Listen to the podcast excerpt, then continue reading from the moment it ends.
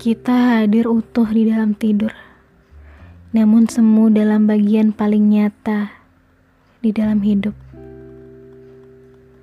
Suara itu tidak dapat terhanyut. Ia tertanam di pikiran terusik nalar. Hati mulai mencari mangsa untuk dikambing hitamkan. Menyalahkan jarak. Tokoh antagonis utama pemisah dua insan di mabuk rasa. Jarak tak lebih panjang dari harapan. Kita terus berjalan hingga sampai di titik kelelahan. Terengah di sesak rindu. Menanti kemesraan yang jauh kemungkinan berujung temu. Bermufakat dengan harapan. Anda yang melahirkan solusi agar jarak dan rindu saling mengisi haknya.